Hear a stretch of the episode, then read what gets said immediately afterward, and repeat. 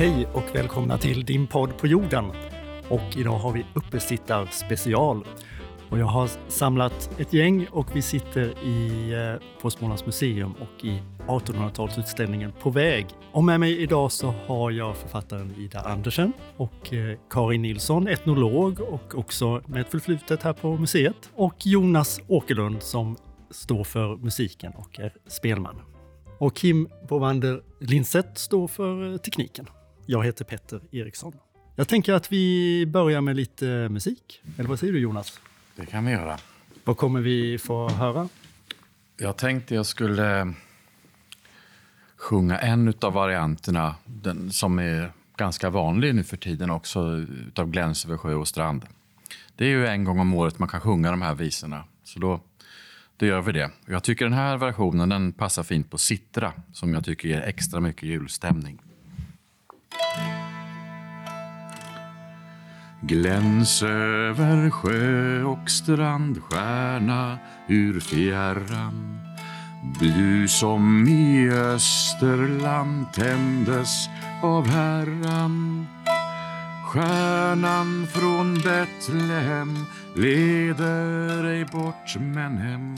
Vakna vid underbar korus av röster Skåda en härligt klar stjärna i öster.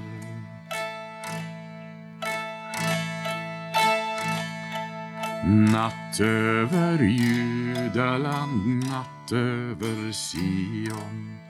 Borta vid Österlands lockna Orion Heden som sover trött, barnet som slumrar sött. Vakna vid underbar korus av röster. Skåda en härligt klar stjärna i öster.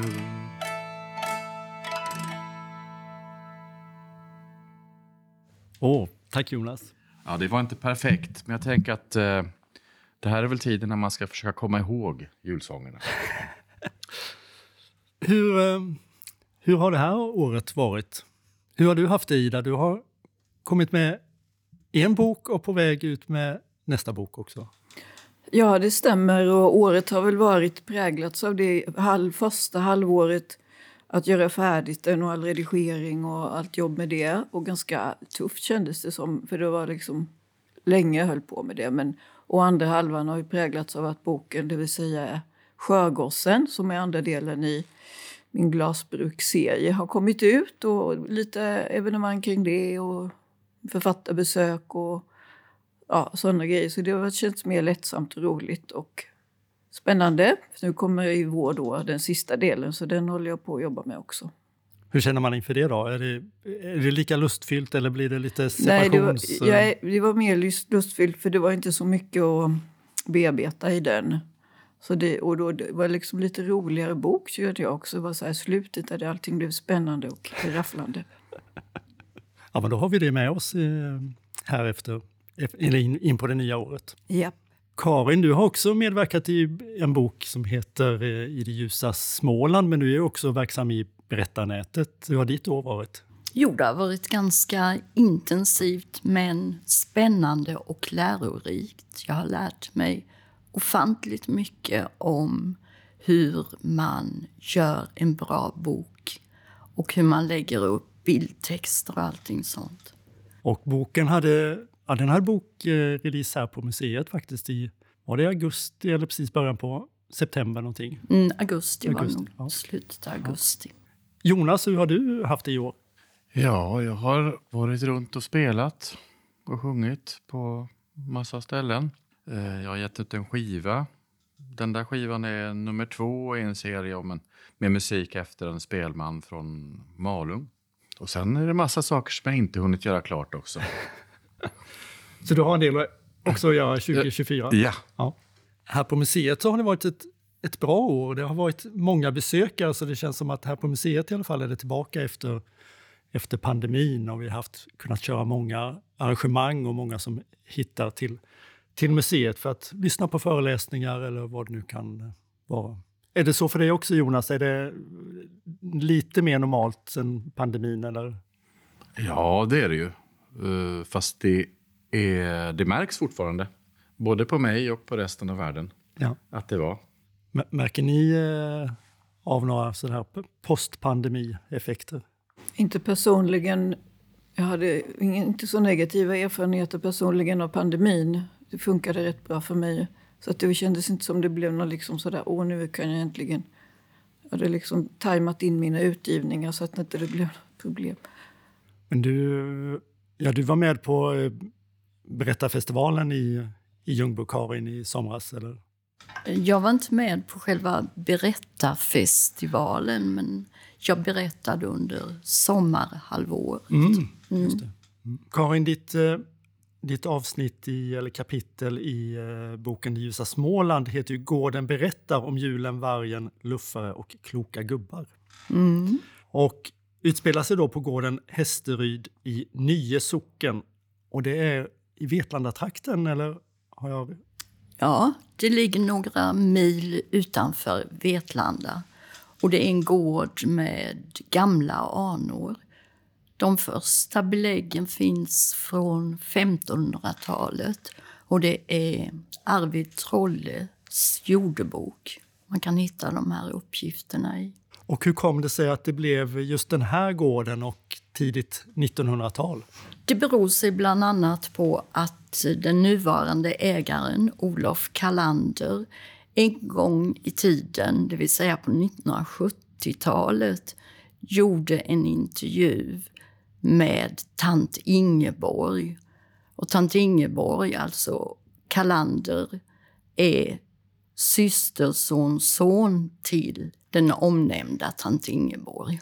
Och då har jag bearbetat det här materialet och sen har jag kikat en hel del på uppteckningar på Nordiska museet och Folklivsarkivet i Lund och icke att förglömma Smålands museums eget arkiv och kompletterat de här uppgifterna. Och det är ju faktiskt på det viset på en gård som har gått i arv generation efter generation så finns det ju fullt med föremål också ute i bodar och ladugårdar.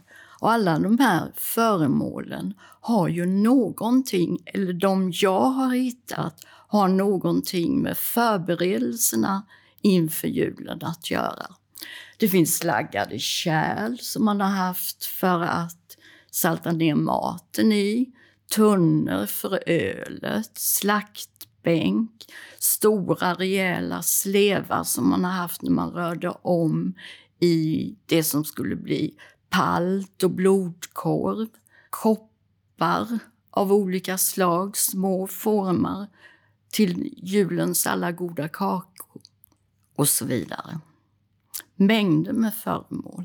Du har ju, är ju etnolog från, i, i grund och botten. Är det något i det här arbetet som du har eh, hittat som eh, ändå var lite nytt även för dig? Eller stämmer det med, med den bilden du hade tidigare?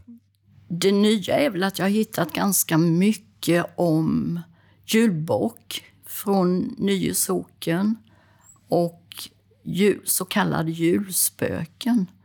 Vilket inte har förekommit så ofta i Kronobergs län. Och då får du berätta lite om julbock och, och julspöke. Vad var du? Ja, det var ju på julafton innan tomten gjorde sin entré som julklappsutdelare så var det ganska vanligt att mellan 12 och 5 på kvällen att man fick besök av julbocken. Det var oftast någon av drängarna som var utklädda till julbock med raggiga pälsar och stora horn. Och de var också nersotade för att inte bli igenkända. Och den här julbocken bar sig alltid lite konstigt åt. Han kastade sig fram och tillbaka och skrämde livet av alla unga som var församlade i stora salen. Och med sig kunde julbocken ibland ha julspöken. Det var alltså mindre pojkar och flickor också svärtade i ansiktet med sot Och sen hade de skägg. Flickorna hade skägg och pojkarna hade långt hår. Och det var gjort av lin. Och de såg ju också hemska ut. Så att när mörkret började lägga sig så brukade de dyka upp. Jag tänker på när jag läste avsnittet, eller det du har skrivit, så, så slås jag ändå av de här att man skulle skrämmas och att det skulle vara lite ganska otäcka historier ibland och att vi kanske firar en lite snällare jul nu. Ja, när det försvann, det vet jag. Det, det är nog efter de här stora julkalasens tid, när de var till ända, så försvann ju väldigt mycket av berättandet också, tror jag. Mm. För det var ju på julkalasen det berättades.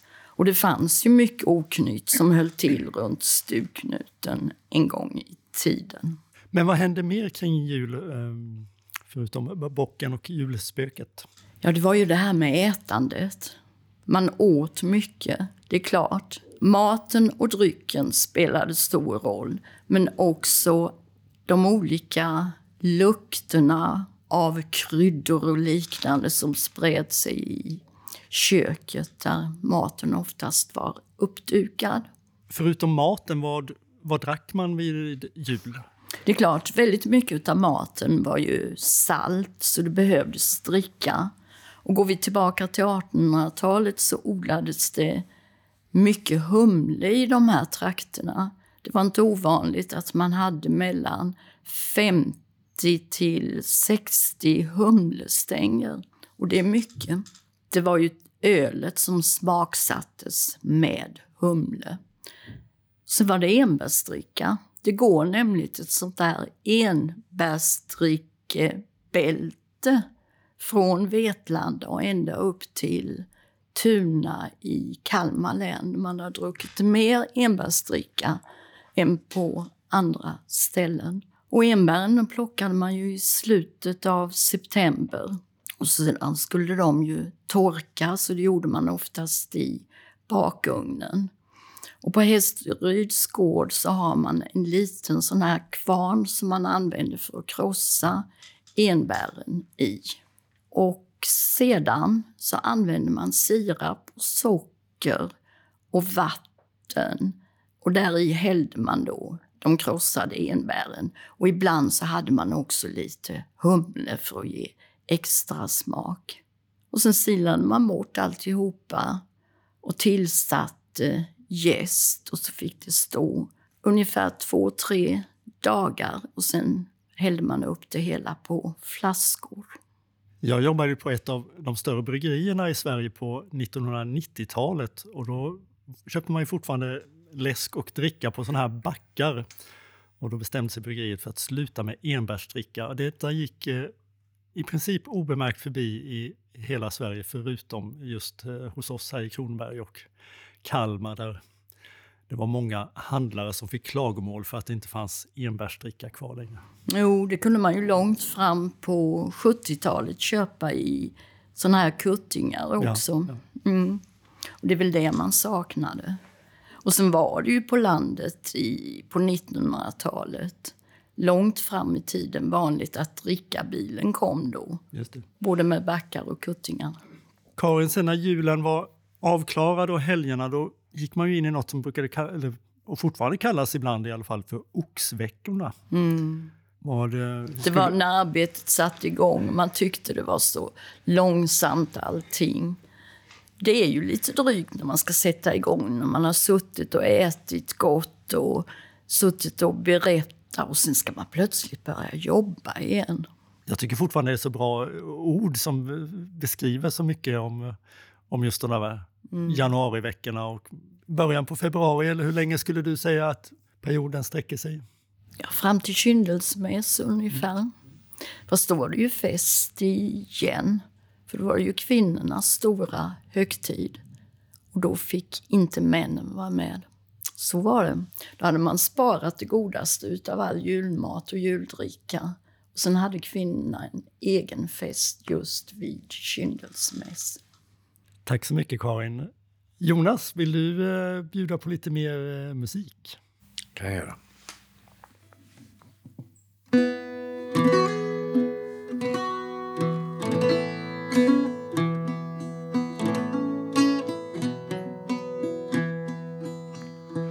Nu tändas tusen juleljus på jordens mörka rum tusen, tusen stråla upp på himlens djupblå grund.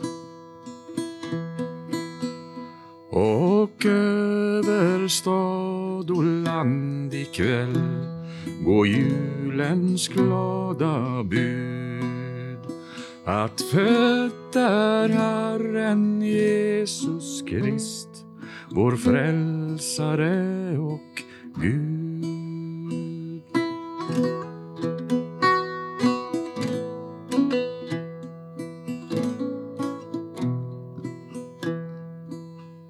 Du stjärna över Betlehem och låt ditt milda ljus få lysa in med hopp och frid i varje hem och hus. I varje hjärta armt och mörkt sen du en stråle blid en stråle av Guds kärleksljus i signad juletid. Tack Jonas. Tack. Vill du säga något även kring detta? Eh, nej, inte mer än att jag tycker att på julen så har man liksom ingen anledning att försöka överraska. Det är inte därför vi firar jul.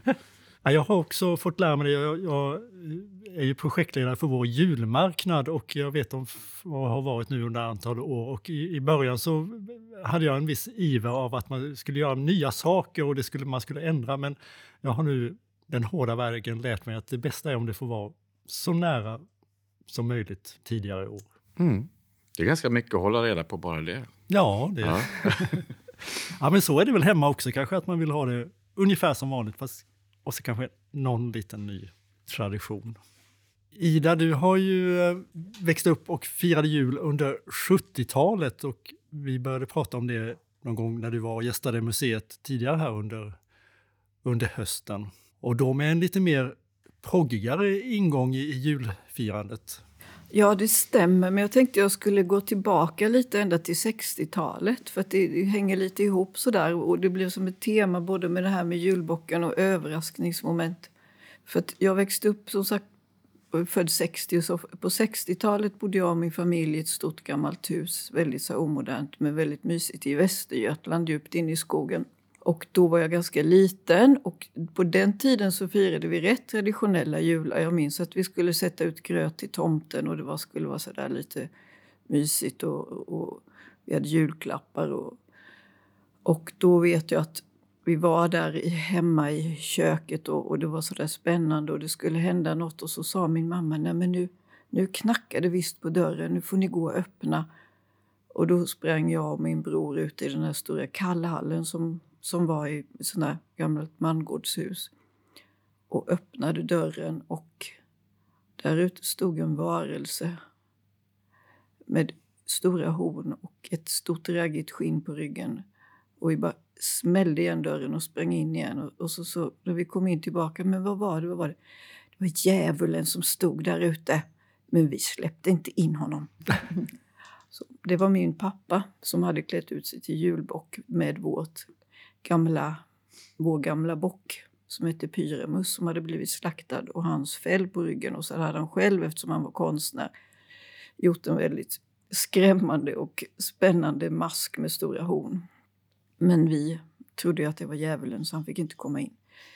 Så det är liksom början på det här med lite alternativa jular. Och som sagt på 70-talet så var det en helt annan situation. Och, och då bodde vi i Småland och också ett stort gammalt hus. Och mm, livet präglades ganska mycket av 70-talet och, och de rörelserna och strömningarna som var. Och min pappa som var konstnär, han var alltid pigg på liksom allting som var alternativt. Och, och det var ju också väldigt mycket tankar kring icke-kommersiella saker och, och julen var ju ändå en sån där, vad ska man säga, högtid som präglades mycket av det kommersiella och det skulle man ju inte göra. Så att vi hade rätt stränga regler för att man skulle inte köpa julklappar plötsligt utan vi skulle göra själv. Så att det pysslades med mycket saker hemma hos oss innan julen. Och en jul speciellt, då, då vet jag att hade min pappa verkligen sådär, det var liksom hans idéer allting. Min mamma hade lämnat familjen för rätt många år sedan då. Så det var han och hans unga flickvänner som väl också var ganska progressiva.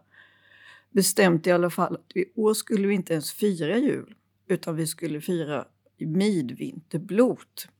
För det var ju ändå något sådär traditionellt och man kunde fira men det var, hade, hörde inte ihop med den kommersiella julen.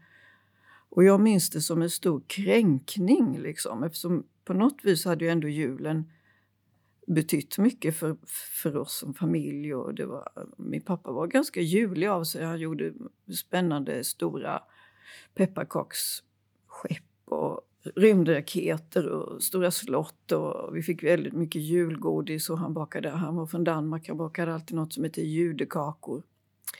Och så där, så att det kändes inte alls roligt att vi inte skulle få fira jul. Och jag vet till och med att jag liksom klagade för min kompis, jag tror jag gick i sjuan eller sexan och sa det där måste du säga till, det går ju inte. Och hennes mamma också, nej, så här kan ni inte ha det liksom, fira, inte fira jul. Så jag tyckte det var bland det värsta jag varit med om. Och dessutom skulle vi inte heller fira hemma utan vi skulle vara med någon annan familj. Vilket också blev så där på 70-talet. Något vi gjorde, det var mycket folk hemma hos oss ofta som kom och flyttade in och bodde hos oss perioder av olika anledningar. Så vi liksom åkte den där kvällen hem till någon grannfamilj med många barn också och firade jul. Och jag har inte så mycket minnen av just hur det gick. Jag kommer bara ihåg någon julklapp jag fick från något av de andra barnen som hade tillverkat svampar i lera. Utan de var inte ens brända. Det var liksom, de var säkert jättefina men jag tyckte att det där var ju det förfärligaste man kunde få i julklapp. En, en svamp i lera målad med vattenfärg. Så det var ingen rolig jul. Men jag har något minne av att, att liksom, det fanns en liten kompromiss att vi sen fick lite julklappar på själva julafton också. Men så kunde det vara. Och sen hade vi ju också någon jul när vi skulle fira det som kallades för alternativ jul. Och det var ju ännu mer sådär politiskt och ja, att man skulle inte liksom fira sådär för sig själv utan man skulle söka upp andra och det fanns något i Växjö som ordnade som hette alternativ jul. Och det gjorde vi också. Eh, och det har jag skrivit om i eh, min roman som kom 2016 som heter Här slutar all med väg som bygger ganska mycket på mina upplevelser att växa upp på 70-talet i en sån här lite alternativ och lite halvdysfunktionell familj med många idéer från tiden. Så jag tänkte jag skulle läsa den för att jag har inte så jättemycket minnen av hur det verkligen var utan jag tror kanske att det var som jag skrev eller så var det på ett annat sätt. Men det kunde ha varit så här i alla fall. Och jag läste den här texten för mig själv på vägen hit och då fick jag nästan tårar i ögonen för jag kände att det påminde ganska mycket om situationen idag. På den tiden så var det ju väldigt engagemang kring Vietnamkriget och, och folket där och i, i år är det ju väldigt mycket kring Palestina och många som tänker att hur svårt har de det och vi firar jul och sådär. Men i alla fall. på eftermiddagen har vädret slagit om. Kylan biter och solen bakom det tunna diset får snön att gnistra och glimma. Pappan har parkerat bussen på gatan utanför dockan och när familjen går genom den öde innergården till stenkomplexet knarrar stegen och rösterna ekar. Trine släpar fötterna efter sig och kommer långt efter de andra. Åh, vad fult det är. Hur kunde de bara bygga något sånt här? säger Veronica. Pappan mumlar något ohörbart. Är du säker på att det är på Bergendalska? Det verkar ju helt öde, säger Veronica Hjält. Pappan svarar att det vet han mycket väl eftersom han har pratat med Bibi som ska sjunga där och Veronica undrar när han träffade henne och så är grälandet igång. Men så fort de kommer in i fritidsgården sträcker pappan och Veronica upp sina ryggar, tynger ner sina steg och slutar gräla. Pappan i svarta läderstövlar och den stora vita militärpälsen och Veronica med håret utslaget ner över ponchon i grönt och blått fyller upp nästan hela den låga korridoren. Från att ha varit kallt och ödsligt är det med ens varmt och trångt och lågt i tak, där mjuka plattor dämpar alla ljud. Väggarna, golven och dörrarna är målade i gult, orange och beige. De nybonade plastmattorna glänser i lysrörsljuset. Det ljuder av folkmusik och luktar av skinka, vörtbröd och köttbullar från salen längst in.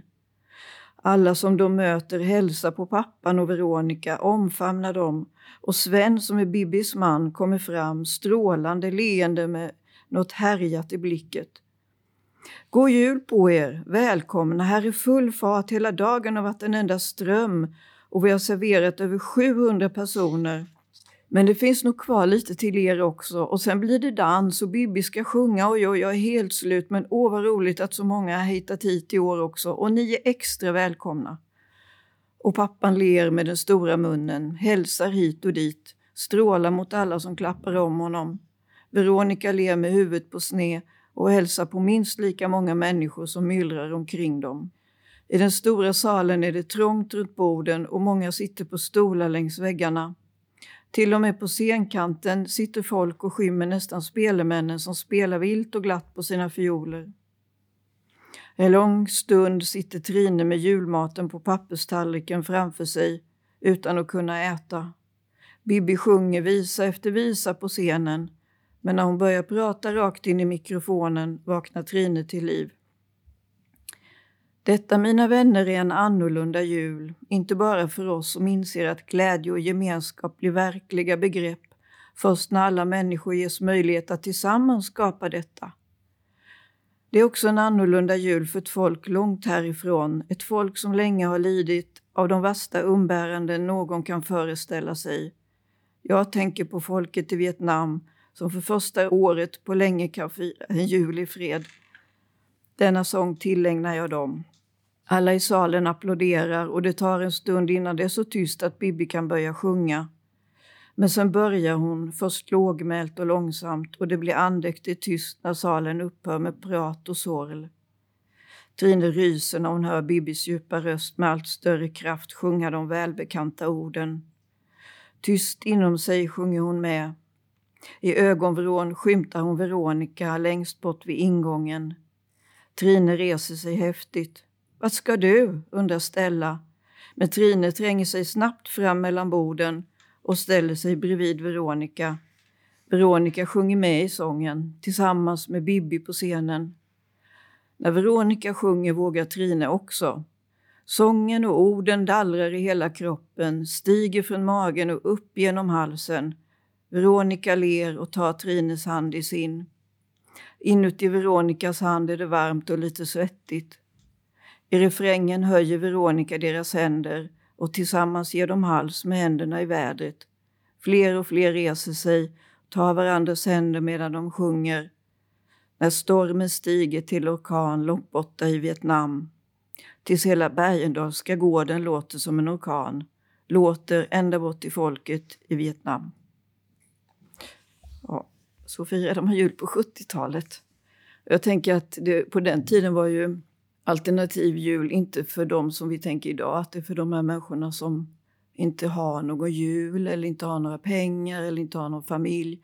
Utan då var det ju mycket så att man skulle träffas och fira tillsammans för att det var ett annat sätt. Det skulle just vara en alternativ jul för att motverka de här kommersiella strömningarna. Och, så. och det var delvis sånt som jag lite, vad ska man säga, tveksamt tog del i som ung.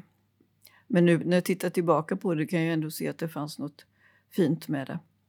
Är det så du just känner när du tänker tillbaka att det ändå var ganska fint? Eller är du... alltså jag tycker ju som vuxen nu att det var en fin tanke men inte något som jag egentligen tyckte var så himla roligt då. Du hade klarat dig utan eh, svamparna? Och Vietnam-sången, ja. ja. Har ni andra några erfarenhet av mer alternativa jular? Ja, det är väl... Man har väl erfarenhet av en massa olika jular. Jag är också uppvuxen i ett konstnärshem, men jag hade min... Ja, man kommer från massa miljöer samtidigt. För, för mig har det alltid varit så, sen jag var liten, att jag liksom befunnit mig i olika miljöer. Jag var mycket hos min farmor som bodde utanför Leksand i Dalarna. Och där, det var väldigt viktigt för släkten. Och när vi var där och firade jul, då var det ju... Något år minns jag när jag var liten så kom eh, en släde förbi med bjällror. Tomten hade inte tid att stanna då utan han slängde säcken med en duns utanför dörren där och drog vidare. Och något år när jag var liten och vi firade jul i, i Stockholm då, där jag bodde då, då var det ju så att det var helt tydligt att det inte gick att köra släde inne i stan. Så då fick han också lämna saker i trapphuset och sådär.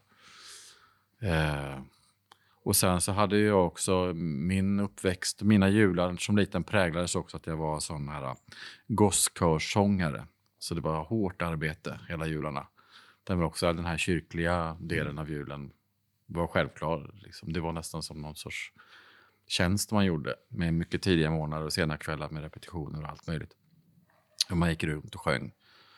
Ja, dels gjorde konserter och dels så sjöng på sjukhem för gamla och så. Så att, eh, ja, julen innehåller många, det kan vara på massa olika sätt, tycker jag. Hur blir din eh, jul i år, Karin? Ja, hos oss har vi ju alltid firat en mer traditionell jul. Lite som på Hästeryd och det går tillbaka till den tiden då min farmor och farfar fortfarande levde. Då samlades släkten på gården. Och det var ju också julmat, det var väldigt mycket pyssel på julafton också. Jag kommer ihåg farmor hade sparat en pepparkakssteg och sen skulle alla göra var sin pepparkaksgris med sporre och förbundna ögon. Mm. Och det är inte det enklaste. Nej. Så grisarna blev ju väldigt, väldigt personliga kan man mm. säga. Och sen hängdes de upp i granen. Men sen var det ju tomter och sen var det julottan. Och det kommer jag ihåg första gången jag var med på julottan. Så var det en tant i en stor päls som satt framför på en bänk och plötsligt så började hon resa sig upp och tog av sig sina handskar och sen började hon att liksom damma kyrkbänken på något sätt. Jag sa till farmor, varför gör hon på det viset? Jo, sa farmor, det är så hon tror på att de döda haft sin julotta. Hon vill inte ha gravbull på sin fina päls. Och det där tyckte jag var så hemskt och otäckt. Och det var ju likadant, det var ju som på Hästryd, man berättade väldigt många hemskheter. Som på julafton när alla satt och åt så skulle någon gå ut och kika in genom fönstret. Och var det så att man såg någon utan huvud så skulle han eller hon dö under det kommande året. Hemskheter. Uh. Jag tänker att i de här tiderna så är det kanske just julen blir en, en motsats till det där att man, vi försöker ta en liten paus från kanske vad som händer i, i världen och annars så samlas mm. familjer eller vänner eller vilka man nu vill umgås med när det är jul. Och då gör ju till exempel ljusen, de levande ljusen och att man har tänt upp i spisen, det gör ju faktiskt att alla och en var kopplar av. Det är tyst också. Man hör det där sprakandet från elden. Det är så jag tycker julen bör vara. Jonas, kan du eh, avsluta det här med att sprida lite julfrid då, tänker jag. Jag ska göra vad jag kan.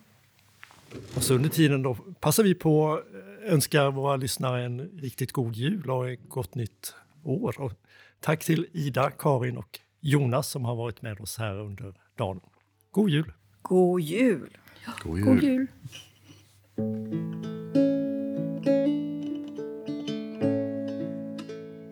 För den vinande nordan och vintern broder för den grånande morgonens stjärna klar. För vårt hem och vårt land och vår bedjande moder för myllrande städer och istunga floder vi höja vårt stop och för kommande dagar, för kärlek och lycka som var. Nu när sjöarna ligga här frusna och döda och när yrvädren dansa i moar och slog vi dricka och drömma om bäckar som flöda och minna oss Tervalax solnedgång röda och gårdar som lysa bland åbrodd och lilja och skuggor som dansa i skog. För den hårdaste skaren och bittraste vinden för det fattiga folket som slåss för sitt bröd. För dem som i armod blir hårda om kinden för dukade bord och för slädar vid grinden för sårfyllda kroppar och läkande död. Försonta och glada i stjärnans timma vi glömma att jorden blev breddad av hat. Vi resa oss upp under stjärnor som glimma omkring oss de heligas natt. Vi förnimma för dem och för jorden, för himlen och oss våra stop vi höja kamrat.